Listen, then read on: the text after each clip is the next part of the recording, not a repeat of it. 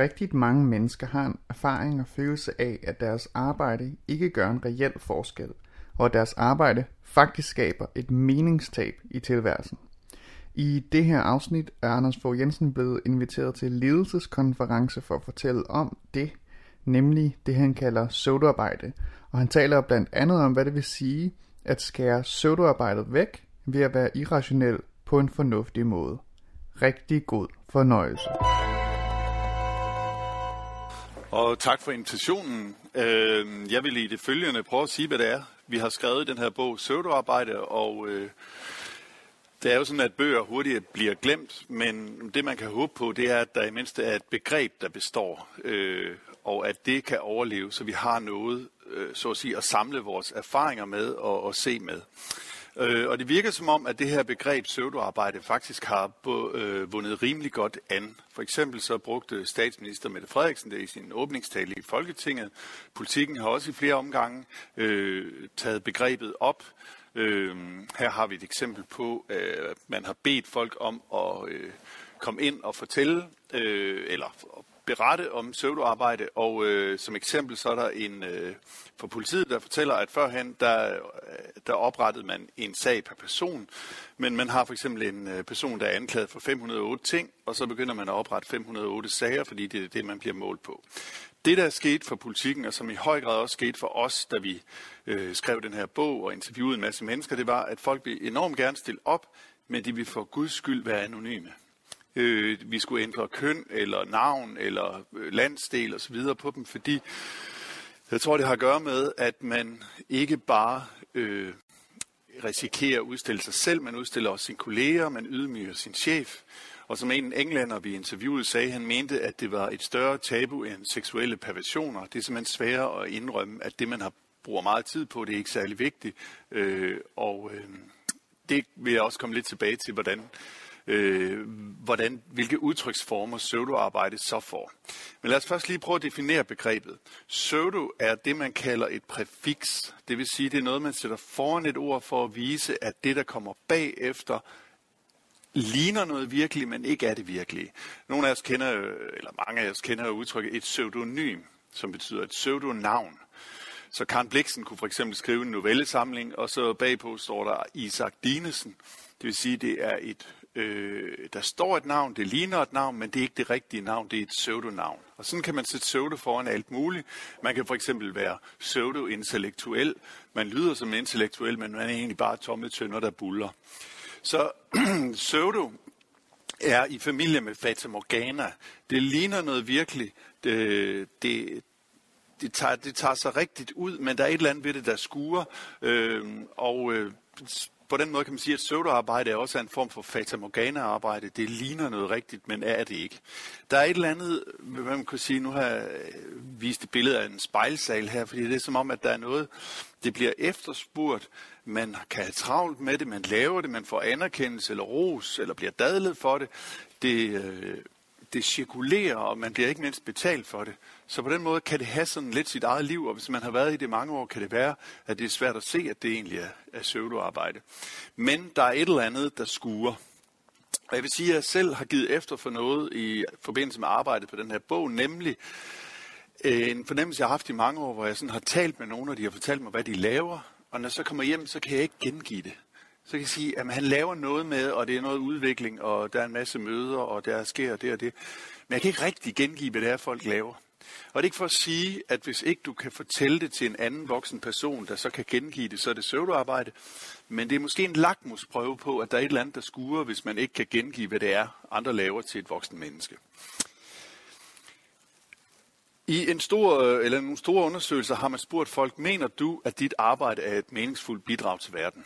Øh, og der spurgte man englænderne, og øh, hos englænderne der svarede 37 procent, nej, det, jeg synes egentlig ikke, mit, bidrag, øh, mit arbejde er et meningsfuldt bidrag til verden. Det synes jeg var ret mange. Øh, spurgte man hollænderne, der sagde 40 procent nej. Spurgte man amerikanerne, så sagde 50 procent nej. Så øh, der måske kan vi i virkeligheden tale om, at der er en form for meningstab. Det vil sige, at der er ret mange, der har en fornemmelse af, at det, de laver, ikke sådan rigtig er meningsfuldt i verden. Der er også mange, der har en fornemmelse af, at det er meningsfuldt, men der er også mange, der ikke har. Øhm, så vil jeg lige lave en lille ekskurs omkring tid, fordi man kunne tale om, øh, hvis vi skal sådan vurdere, er det fornuftigt, det vi gør med, med arbejdsmarkedet og vores arbejdstid og den måde, vi lever vores liv på, øh, så kan man måske øh, lige tage en ekskurs omkring, hvordan troede man førhen, at vi ville leve nu? Altså det, man kunne kalde fortids fremtid. Og i 30'erne havde man nogle forestillinger om, hvordan vi ville leve nu, som jeg lige kort vil gennemgå her. Det ene var, at man øh, begyndte at designe store fritidsbyer. Man havde set udviklingen af det, man kaldte maskinerne. Dengang talte man ikke så meget om robotterne. Men man havde set udviklingen af det, man kaldte maskinerne i slutningen af det 19. århundrede, industrialiseringen og op til Første verden verdenskrig, så man begyndte at designe store fritidsbyer med kæmpe områder. Øh, ikke så meget øh, de her høje kontorbygninger, som vi kom til at se, men, men øh, meget plads og meget pla- øh, plads især til fritidsaktiviteter, fordi man regnede med, at lige om lidt kom det store fritidssamfund. Det er en forudsigelse, og da man fandt den her model frem i 2014 i New York, så stod man og kiggede lidt mærkeligt på den, og tænkte, gud, det var, det var ikke sådan, byerne kom til at se ud. Vi fik i stedet for masser af kontor med lys i om aftenen og sådan noget. En anden, forest- en anden forudsigelse fra, fra 30'erne, øh, det er ham her, John Maynard Keynes, som øh, er jo en økonom, der fik en kæmpe betydning for velfærdsstatens udvikling. og han holdt i 1930 en tale, der, øh, hvor han mente, at vi i 2030 vil komme til at arbejde 15 timer om ugen. Man kan sige, at det kan vi selvfølgelig nå endnu. Øh, der er bare ikke så meget, der tyder på, at vi, øh, det er den vej, det går. Der er også så mange andre ting, vi skal nå til 2030. Øh, men det, som han også meget rigtigt siger omkring den 15 timers arbejdsuge, det er, at det bliver vigtigt at fordele arbejdet. Fordi det er vigtigt for folk at have en funktion i samfundet, øh, så vi må sprede smøret bredt ud, som han siger, altså arbejdet. Og så tilføjer han noget vigtigt, øh, nemlig at den største udfordring, mener han, bliver, hvad han kalder the art of life itself. Altså kunsten at leve livet, hvis ikke du har deponeret hele din identitet i at have travlt på et arbejde. Hvordan skal man så leve livet? Og det har man jo hørt fra folk, der har været øh, der er gået på pension eller efterløn, eller på anden måde sådan for en tid er blevet sat ud af arbejdsmarkedet, at det kan være svært at vende sig til ikke at have så travlt, og ikke i mindst lægge hele sin identitet i det. Så det kan også være et underliggende svar på, hvorfor er der så meget søvdearbejde, fordi vi lægger så meget identitet i at have travlt. Den sidste øh, forudsigelse for 30'erne, øh, som jeg lige vil øh, nævne her, det er en britisk filosof, der hedder Bertrand Russell, som i 1932 skriver et lille essay, der hedder Til forsvar for ledigang, eller en hyldest til ledigang, som er et essay, der går op imod den idé, at øh, ledigang skulle være roden til alt ondt. Øh, og det han øh, hæfter sig ved, det er, at øh, der har jo lige været Første Verdenskrig det er klart, i mellemkrigstiden, der kaldte man det ikke Første Verdenskrig, medmindre man var meget fremsynet. Man kaldte det den store krig. Og det, som han så øh, siger, det er, at øh, altså, velfærden er ikke faldet under Første Verdenskrig. Men man har brugt over halvdelen af hele arbejdskraften på at støbe kugler, at sende mænd i krig, at lappe dem sammen, at flytte dem rundt osv. Så, så laver han den lidt måske snusfornuftige slutning, at hvis den store krig har krævet over halvdelen af arbejdskraften, og vi ikke er faldet i velfærd, ja, så må vi jo nu her i 1932 kunne have en fire timers arbejdsdag. Øhm, det fik vi ikke. Øh, men hvad der måske er lidt værre, det er, at øh, det han, han også øh, siger, det er, at civilisationens fremskridt, altså de store øh, videnskabelige opdagelser, de store romaner, de store ting, der har bragt os fremad, store opfindelser, de er ikke kommet af folk, der havde travlt, og slet ikke i et åbent kontorlandskab. Øh, og så slutter han af på den her måde, at hidtil er vi fortsat med at være lige så energiske som før maskinerne. Deri har vi været åndssvage, foolish. Men der er ingen grund til at fortsætte med at være åndssvage for altid. Og det er det som spørgsmål, som vi også nu må sige, at vi er i gang med at gøre noget, der er lidt åndssvagt. I hvert fald så bliver jeg selv for lejen, når de ligesom spørger os nede fra 30'erne, Nå, hvordan går det så deroppe i 2020? Hvad laver I jeres egen øh, kopper og glas med keramiklæser i mange bøger? Er I meget sammen med dem, I holder af? Øh, spiller I meget golf? Øh, hvad laver I egentlig? Så må vi sige, nej, vi, vi har rigtig travlt på kontor, og vi bruger rigtig meget tid med en skærm. Øh, og det, bliver jeg sådan lidt forlegen over øh, ikke rigtig at kunne svare. Så på den ene side, så har vi en, en, et meningstab. Der er mange, der føler, at der ikke er øh, en kæmpe mening med deres arbejde, og der er et tidstab i forstanden. Der er en fritid, vi ikke fik, øh, og muligvis også nogle liv, vi ikke fik. Og det er faktisk det, der pikerer mig mest, eller øh, som er mest bekymret over ved det her. Der er også nogle økonomiske ting og nogle sociale ting, som jeg skal komme tilbage til. Hvis vi lige bliver et øjeblik ved det med tid, fordi tid er meget vigtig øh, i det her, og det er også et, et svært filosofisk begreb at få hånd på, eller hånd om, men øh, hvis vi kigger på udviklingen i arbejdstiden, så kan man se, at den er faldet noget, men siden øh, 75 er der faktisk ikke rigtig sket så meget, og slet ikke noget siden, at arbejdsugen blev fastlåst til 37 timer i 1990. Så er der nogen, der vil sige, ja, men det var jo meget værre i stenalderen. Ikke? Det, der, det var det jo helt øh, af helvede til. Nej, det var det ikke. Man, man har faktisk aldrig arbejdet mindre, end man gjorde i stenalderen. Det første hvad kan vi sige, søndefald, øh, det var, at man begyndte at bedrive agerbrug. Man kan se, at de skeletter, man finder, de er helt anderledes øh, nedslidte. Øh, i knogler og i knæ og albuer og diskusprolapser osv. Så går arbejdstiden op øh, til industrialiseringen, øh, eller med industrialiseringen topper den ligesom, og så falder den igen. Men i de store hele er der ikke sket så meget de sidste 100 år, sådan, på den store skala i hvert fald. Og når jeg siger det her, så er det fordi, at tid, med alle de mennesker, jeg kender, der er tid deres knappeste ressource. Mere, de kunne godt bruge flere penge, de kunne godt bruge mere plads, øh, større lejlighed, større hus, kunne de bruge flere relationer. Ja, det ved jeg ikke. Altså, som regel så øh, har de ikke tid til at se de relationer, de har. De kan godt føle sig ensomme, men det er ikke, sådan set ikke det. Det er tid, der er problemet. Og derfor er det overraskende, at vi omsætter teknologiske fremskridt i mere komfort og mere sikkerhed, øh, når tid faktisk er vores knappeste ressource. Men hvad sker der her i industrialiseringen, hvor arbejdstiden topper? Ja, der sker det, at, øh, at man opfinder noget, som øh, giver meget god mening, nemlig at koble tid og arbejde og penge i det, vi kalder timeløn. Og det vil sige, at man begynder, øh, man betaler folk for at stå ved maskinerne, øh, og, man, og produktet bliver, produktets pris bliver også udregnet efter, hvor meget arbejdstid er der gået med det. Det giver god mening i det industrialiserede samfund. Det er ikke sikkert, det giver så god mening mere, eller det kan i hvert fald være, at det har nogle effekter, som jeg skal komme tilbage til.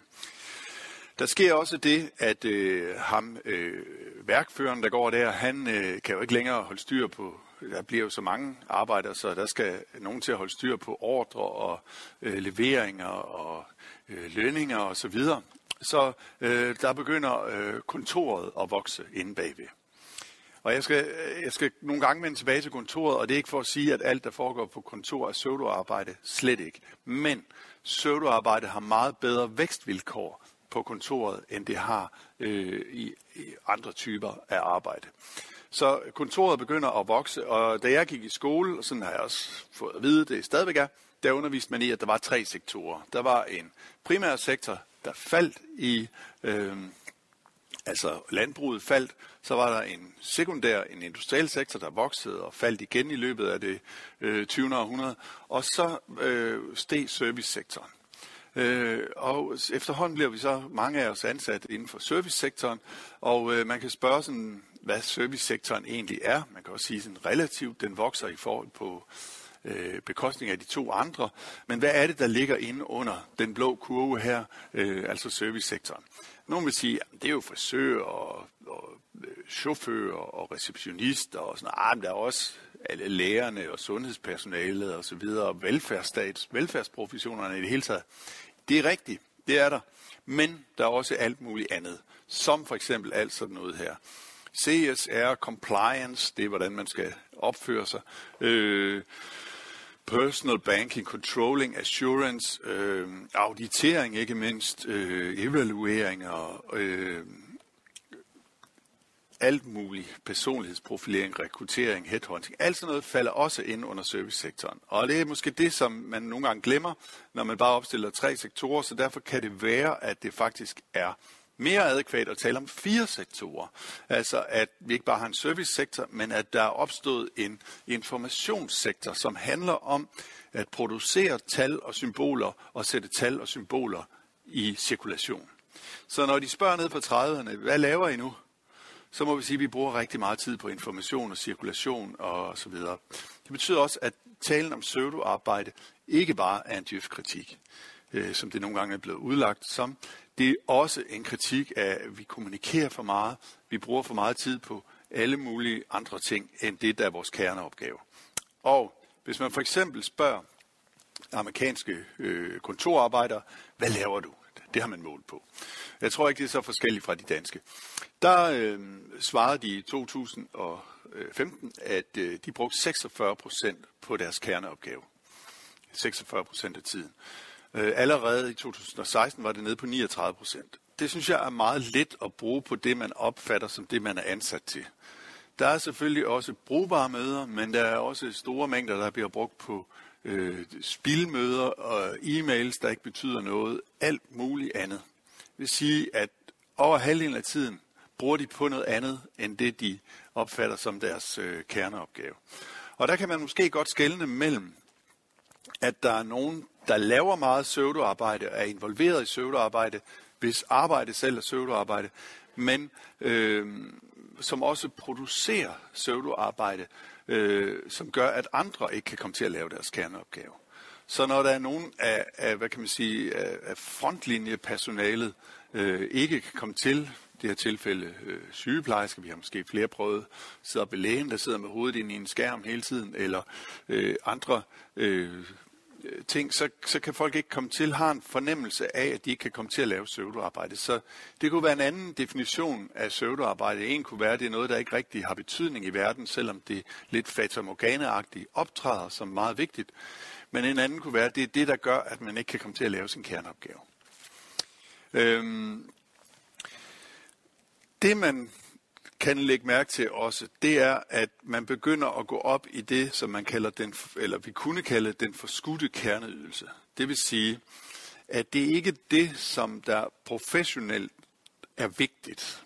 Øh, man kan sige, det man med sin professionelle eller sin faglige erfaring opfatter som øh, værende vigtigt, for eksempel hvis man er lærer, at eleverne lærer noget og i øvrigt trives, øh, så har man nok en, ofte en fornemmelse af, at man kan godt mærke, når man laver et godt stykke arbejde. Man har et professionelt instinkt eller sin faglighed. Men det kan ikke måles. Hvad måler man så på? Man måler på, hvad man kunne kalde den forskudte kerneydelse. Og det kunne være sådan noget som, overholder vi tidsfristerne? Hvor mange brugere er der? For eksempel øh, kunne det være et bibliotek, ikke? hvor mange mennesker kommer der ind, hvor mange bøger der bliver der udlånt. Den gode bibliotekar er selvfølgelig den, der kan finde den rette bog, men det er ikke det, der tæller, det er, at vedkommende låner 10 bøger. Øhm, hvilke karakterer får eleverne? Opfylder vi planerne og politikkerne? Lever vi op til fejlsikring? Øh, hvor synlige er vi? Hvor, meget, hvor lang tid er folk inde på vores hjemmeside? Hvor meget klikker de? Overholder vi budgetterne? Er brugerne tilfredse? Øh, består eleverne? Alt sådan noget bliver det, man måler på. Pointen her er ikke bare, at man ikke måler på øh, det vigtige, men måler på den forskudte kerneydelse. Det, det er et problem. Det andet problem er, at folk jo, hvad man også har opdaget, begynder at levere den forskudte kerneydelse frem for den primære kerneydelse. Det vil sige, at man begynder at øh, undervise, så folk kan bestå, eller øh, undervise, så de kan lave test, eller øh, være bibliotekar på en måde, så folk låner bøger, eller hvad det nu måtte være. Men det tredje og væsentligste problem ved det er, at det tømmer arbejdet for mening.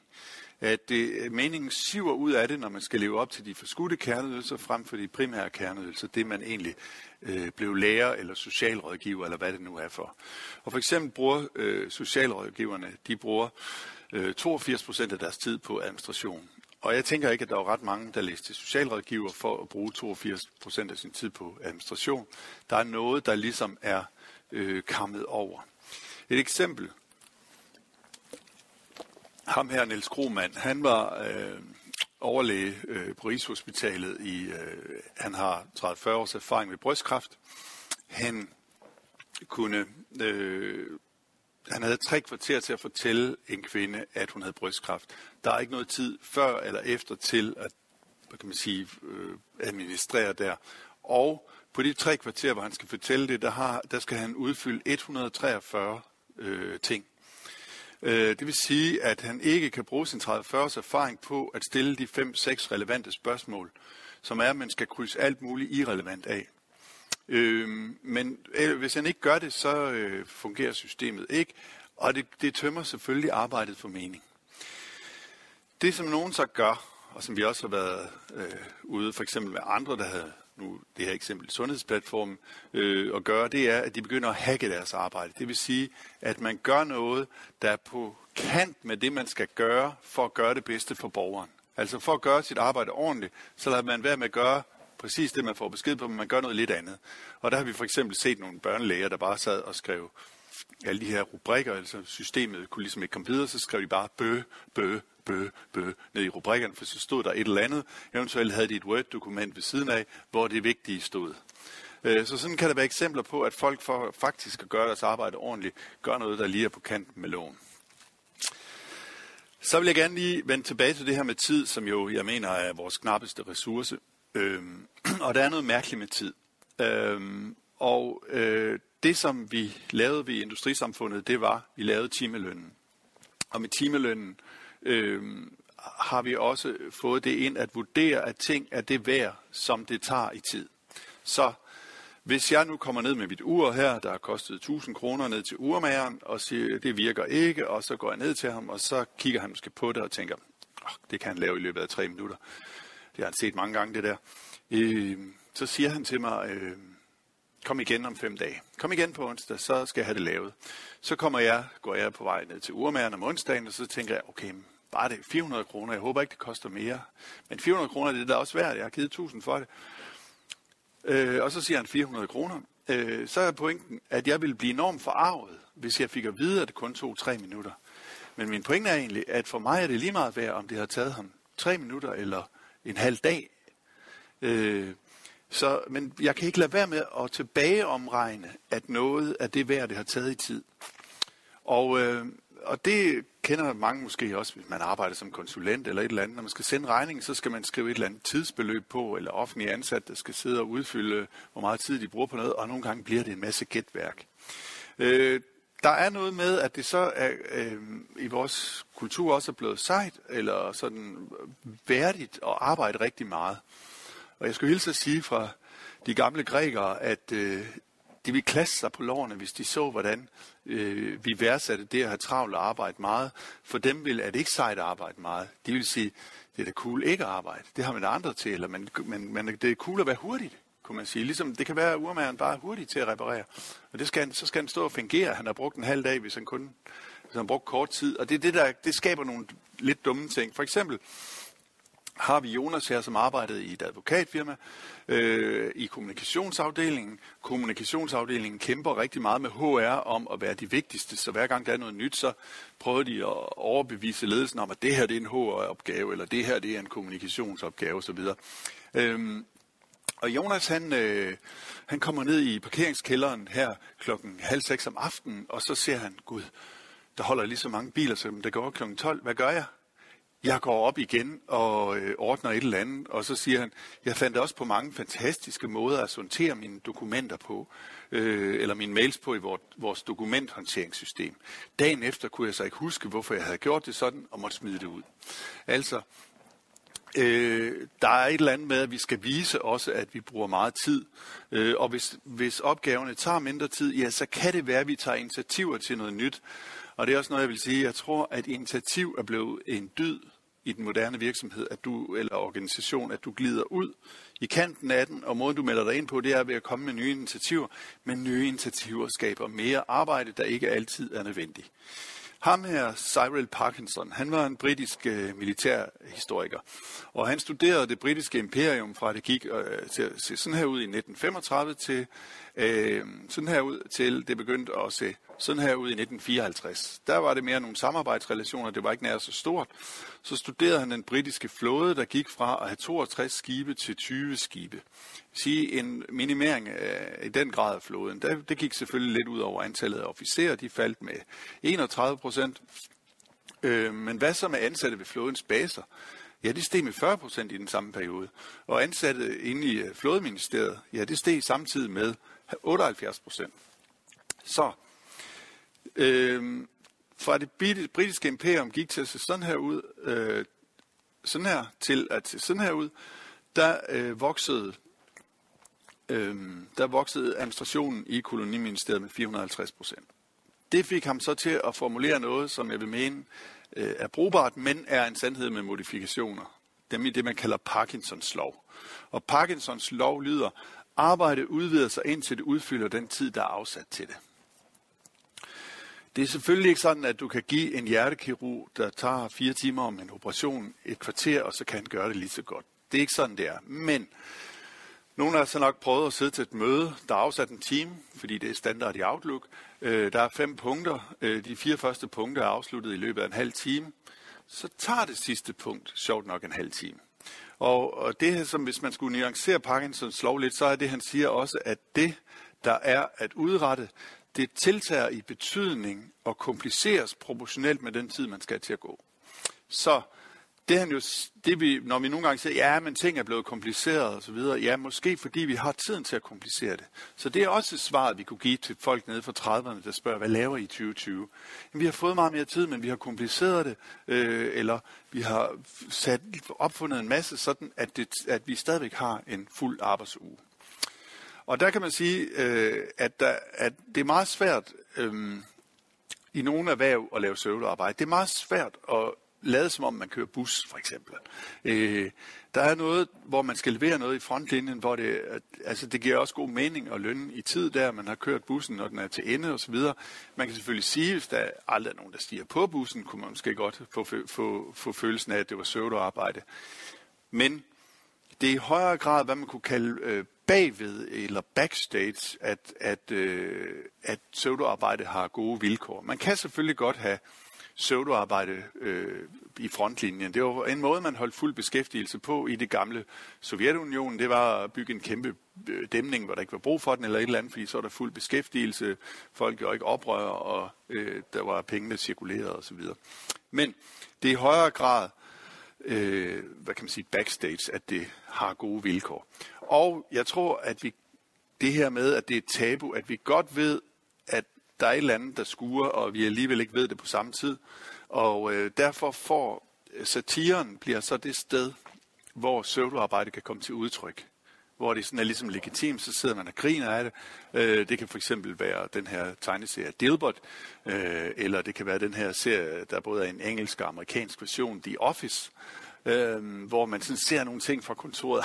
det er ligesom lidt, lidt også det der, og så griner man lidt, og så, øh, øh, ja, eller man, øh, i Danmark har det i høj grad været Djøf med løgn, ikke? Øh, hele Erhvervsstyrelsen går ned og ser Djøf med løgn, så sidder de og griner, og så går de tilbage øh, om mandagen og laver det samme. Det der er ikke det, man kunne kalde en katarsis eller en forandring øh, ved at se det.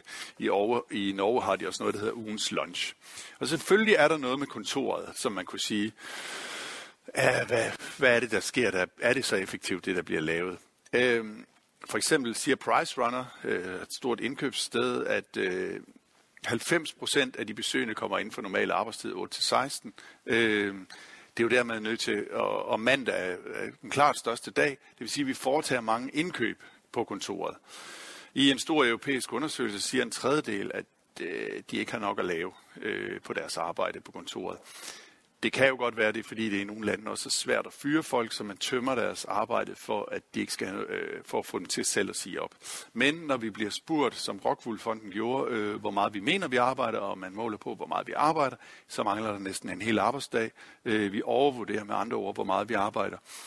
Omvendt så sagde britterne en stor undersøgelse, hvor de blev spurgt om, øh, hvor meget de arbejdede, at de arbejdede øh, 2 timer og 53 minutter om dagen. Det vil sige, at måske fik Keynes ret. Vi har måske fået den 15 timers arbejdsuge, vi kan bare ikke gå hjem. Vi kan bare ikke gøre noget andet. Men generelt, søvdearbejde handler ikke bare om øh, pjank og pjat og pjek og private aktiviteter. Det er en del af vores arbejdsliv, som man kan rigtig travlt med at blive stresset over, som der efterspørges og betales for. Men der er rationelle grunde til, at pseudoarbejde opstår. Det vil sige, jeg står ikke og siger, at det er øh, nogen, der er onde eller gerne vil sælge snubletråde op over for andre. Der er simpelthen noget, der rationelt tilsiger, at der skal blive mere arbejde eller mere pseudoarbejde. Øh, og her vil jeg gerne skelne mellem skal jeg nok forklare, mellem det rationelle og det fornuftige. Det rationelle, det er det, som lokalt byder sig til at gøre som oplagt. For eksempel, der er opstået en misforståelse, og så siger man, vi må kommunikere noget mere. Vi må snakke noget mere sammen. Vi må gå hen til hinanden. Vi må sende nogle flere mails. Vi må holde nogle flere møder. Vi må sætte nogle flere CC på mails. Det er alt sammen rationelt. Øh, eller der er noget, der er gået galt, og så er der en, der siger, at vi må øge sikkerheden.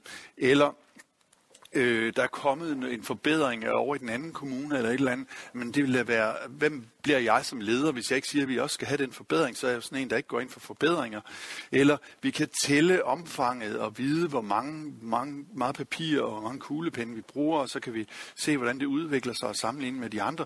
Det er da rationelt at tælle, og det er da også rationelt, når vi har talt, at kontrollere, at alting er, som det skal være. Så det siger, at det her det er alle sammen rationelle løsninger. Men det kan være, det er det, der gør, at vi ikke kan komme til at lave vores kerneopgave. Så hvis det rationelle øh, ligesom styrer os, for eksempel den økonomiske rationalitet, kommunikationsrationaliteten, en sikkerhedsrationalitet eller en teknisk rationalitet, så, øh, så det hele tiden siger øh, mere kommunikation, mere sikkerhed, det nyeste teknik osv., så er det rationelt, men det er ikke sikkert, det er fornuftigt.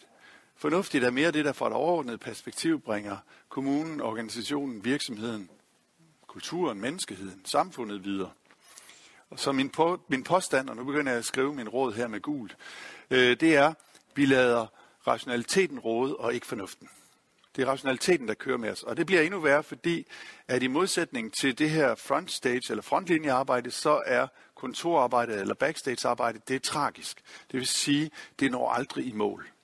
Øh, man kan altid indhente flere tal, man kan altid spørge flere interessenter, man kan altid kommunikere endnu og informere endnu mere, opnå højere sikkerhed, udpege flere aktiviteter og kan altid spørge flere osv. Du kan altid komme på et lederkursus mere. Det er tragisk i den forstand, at det ender ikke, det må ende med beslutninger. Derfor er der brug for nogen, der ligesom siger, øh, vi kunne godt gøre det, men det gør vi ikke. Det jeg står og siger, det er også, at hvis vi skal gøre det fornuftigt, så bliver man nogle gange nødt til at optræde som irrationel og sige, ja, der er kommet en forbedring, men den skal vi ikke have. Ja, der er sket en misforståelse, men vi skal ikke kommunikere mere, så videre.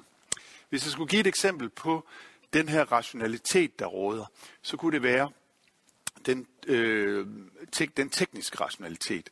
Hver gang der kommer en teknisk aflastning, øh, for eksempel vaskemaskinen kom i 50'erne, så øh, betød det, at husmoren, som jo var den, der tog vasken dengang, øh, ikke længere skulle bruge en hel søndag om måneden på at vaske. Hun kunne vaske nu, sætte en vask over, så den færdig to-tre timer senere.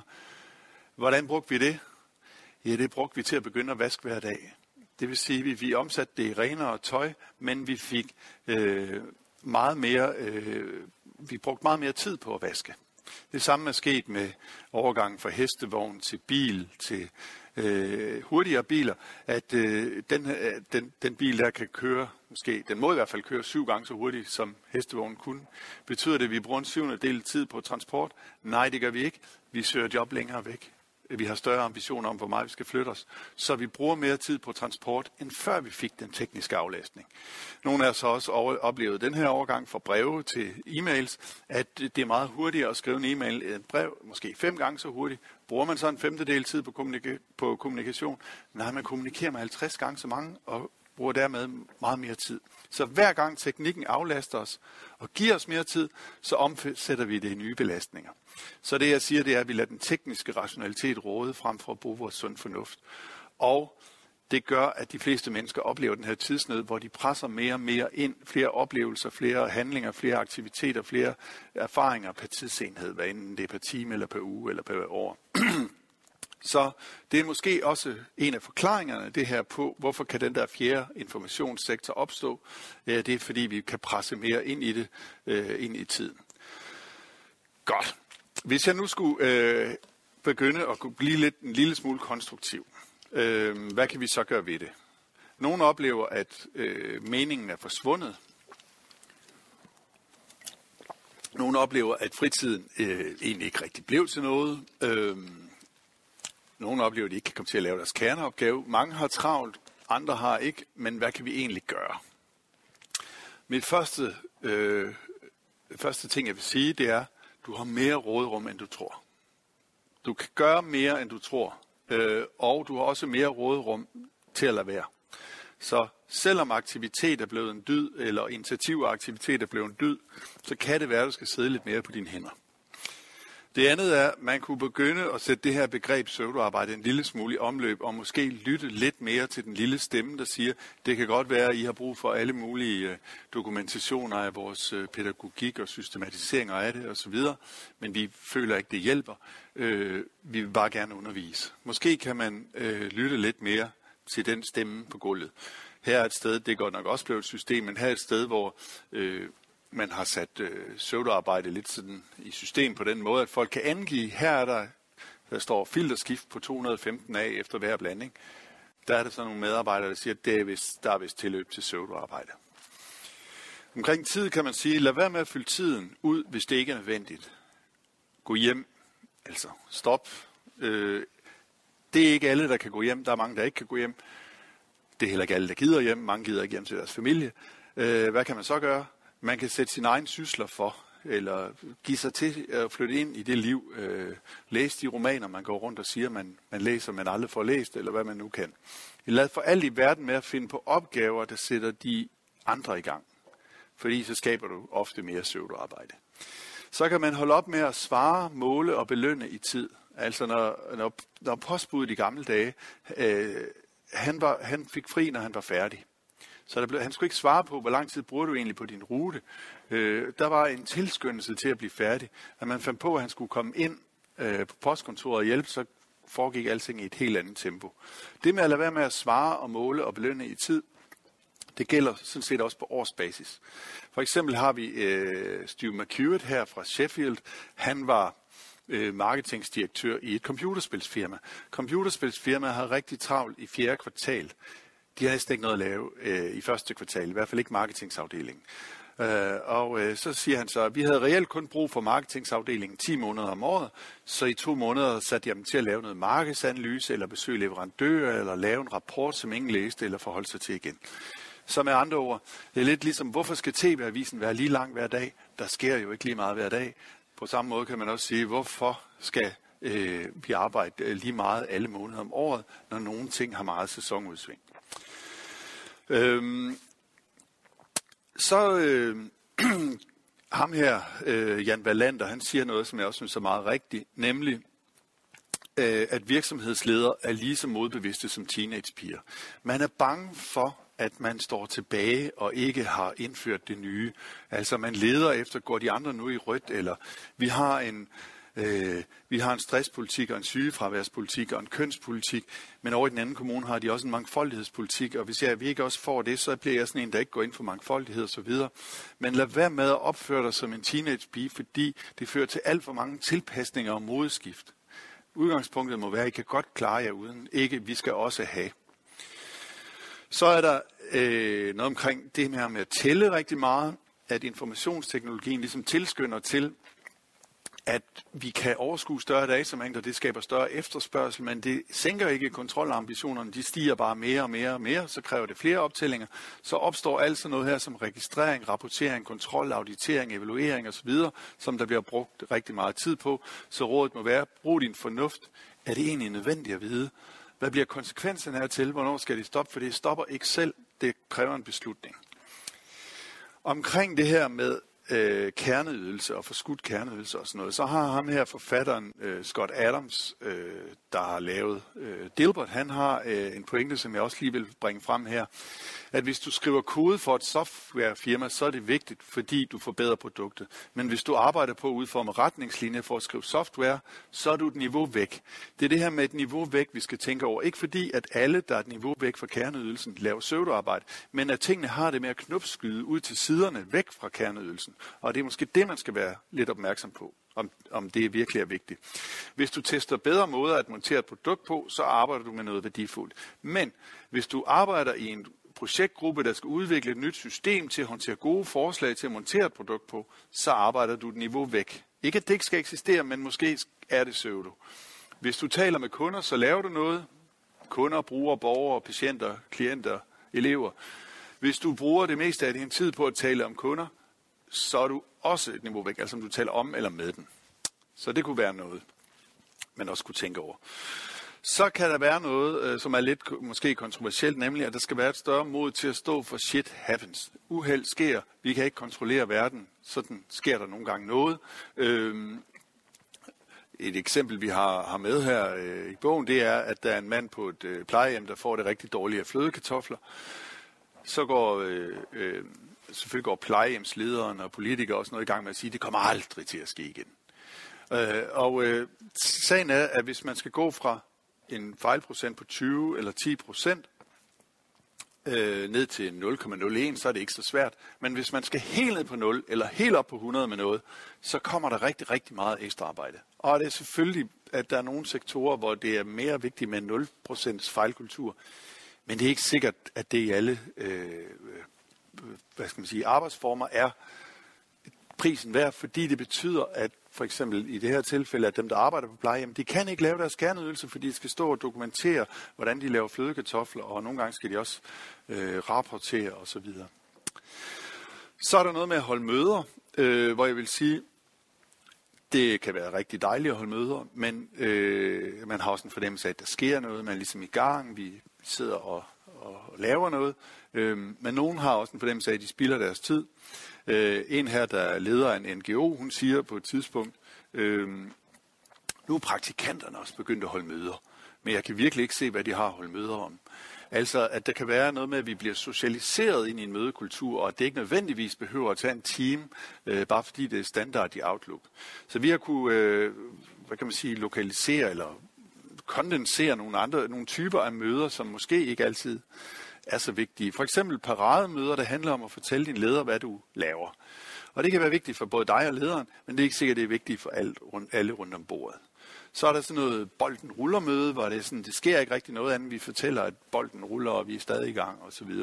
Øh, der er også, øh, hvad vi kunne kalde gætværksmøder, som er mere sådan noget, måske kommer fusionen, måske gør den ikke, og hvis den kommer, så kan det være, at det sker, men vi ved ikke, og det kan også være, at det sker osv. Så er der noget, som jeg også selv har oplevet, nemlig hvad man kunne kalde klassens teammøder.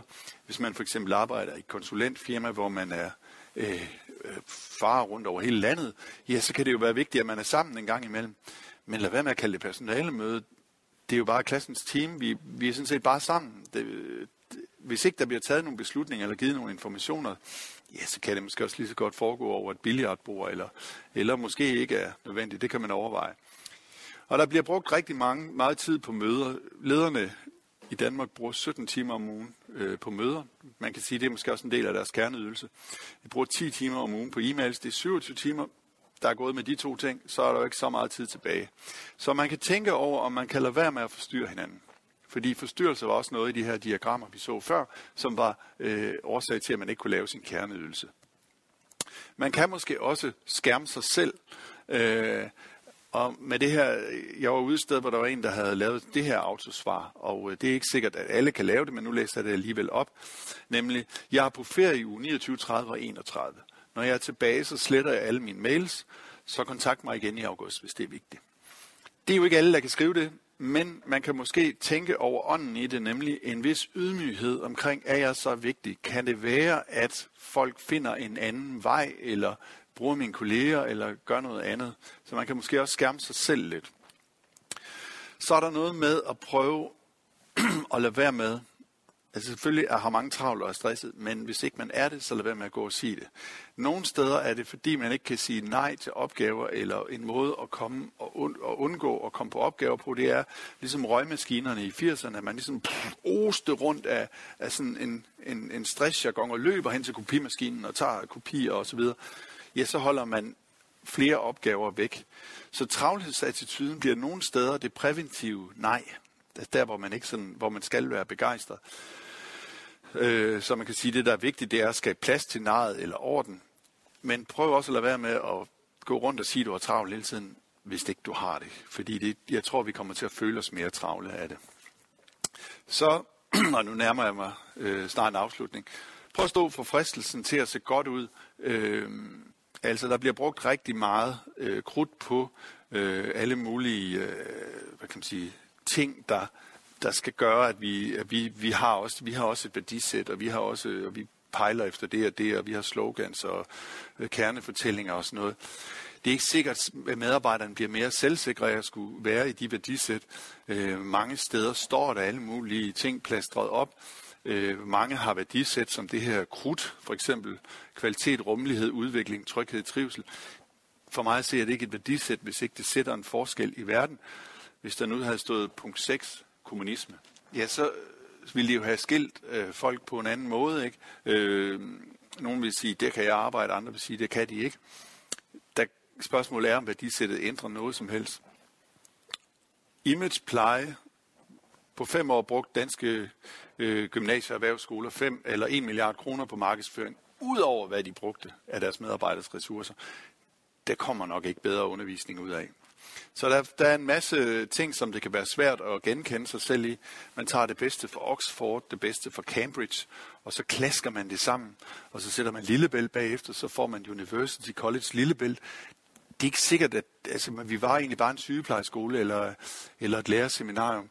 Og alt det her med, at man så får et, en, øh, en række andre titler, øh, som øh, at man er controller i stedet for bogholder, eller classroom manager i stedet for lærer, eller på McDonald's er man floor manager i stedet for afrydder. Det skaber ikke så mere selvsikre medarbejdere, men, tror jeg ikke, men det er klart, at øh, den her øh, højre søjle, der, der er dels gået en fuldstændig inflation i managerbegrebet, men det er klart, at de skal også mere til møde. To pointer øh, mere. Ha' tillid til dine medarbejdere og kolleger. Det kan man holde store brandtaler om, øh, filosofiske, øh, etiske, moralske taler om på i virksomheden Netflix, der har de øh, en anden, øh, et andet argument, det er simpelthen økonomisk. Nemlig, hvis du sørger for at hyre de rigtige folk, så vil 97 procent gøre det rigtige. Det kan ikke betale sig at bruge uendelige summer på at tjekke alle 100 procent og forstyrre dem for at finde de sidste 3 procent. Så det er også et spørgsmål om, om man tror, at medarbejderne i grundlæggende vil gøre deres arbejde godt. Det tror jeg faktisk. Øh, så på den måde kan man sige, at, at det måske øh, er lidt spild af ressourcer, at ikke have tillid. Det sidste pointe, før jeg lige hurtigt samler op, det er, lad være med at sætte systemer ind, hvor der kræves etik og dømmekraft. Man kan være, at nogle af alle de ting, der også skaber rigtig meget arbejde, det er noget, hvor øh, som en en kommunaldirektør her siger, man sætter det ind i stedet for selv at tage ansvar. Omkring det at lave en sygefraværspolitik, så siger hun for eksempel, jeg kender ingen, der tror, det virker, men man har gjort det, som blev forventet. Når byrådet så kommer til kommunaldirektøren og spørger, hvorfor sygefraværet er så højt, så kan han sige, at han har lavet en sygefraværspolitik. Og hvis den ikke virker, så må det være, fordi der er nogen, der ikke har fulgt den. Så er det ikke kommunaldirektørens skyld længere, og så har han skubbet aben lidt længere ned i systemet. Det vil sige, at der opstår en masse søvdearbejde, der handler om, at vi skal redde hinandens øh, bagdel eller hinandens ryg, øh, og vi, vi, vi skubber øh, rundt på ting ved at sætte systemer ind. Øh, og som hun siger, det stopper først, når folk begynder selv at stå for mål for deres beslutninger. For så bliver man tvunget ud i nogle etiske overvejelser om, hvad man vil i denne verden, og hvilken person man vil være. Så det, der har vi et, hvad kan man sige, et moralsk problem, at vi, vi skaber systemer i stedet for selv at tage ansvar. Og det bliver min sidste slide nu. Hvorfor er pseudoarbejde et problem? Økonomisk set, vi betaler for noget, vi ikke behøvede at betale for. Vi bruger øh, rigtig mange ressourcer på øh, pseudoarbejde. Samfundsmæssigt er det et problem. Vi betaler for det falske, hvis man kunne sige det sådan. Vi betaler for noget, der er fatamorgana og som regel betaler vi dårligere for det reelle arbejde. Altså det er bedre at komme væk fra øh, kerneydelsen og ud i nogle øh, konsulentfunktioner eller et eller andet, fordi så får man mere i løn, men man laver også noget, der måske ikke er så vigtigt. og jeg tror, at på sigt kan det, jeg har en idé om, at man vil fortryde det på sigt. Moralsk, som Louise, kommunaldirektøren her lige sagde, vi sætter systemer ind i stedet for selv at tage ansvar, og etik, der ikke handler om at holde til eller etik handler i højere grad om, hvad et, et godt liv er. Det er spild af liv, det er spild af talenter, tid og penge, i stedet for nogle meningsfulde aktiviteter.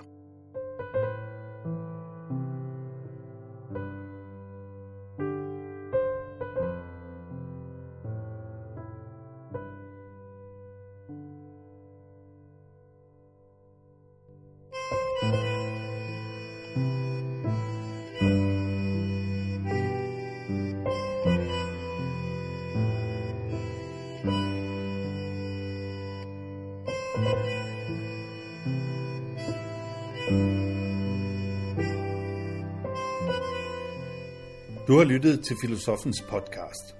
Se mere på min hjemmeside filosofen.dk og tag med mig på dannelsesrejse. Se dannelsesrejser.dk. Mit navn er Anders Fogh Jensen. Tak fordi du lyttede med. thank you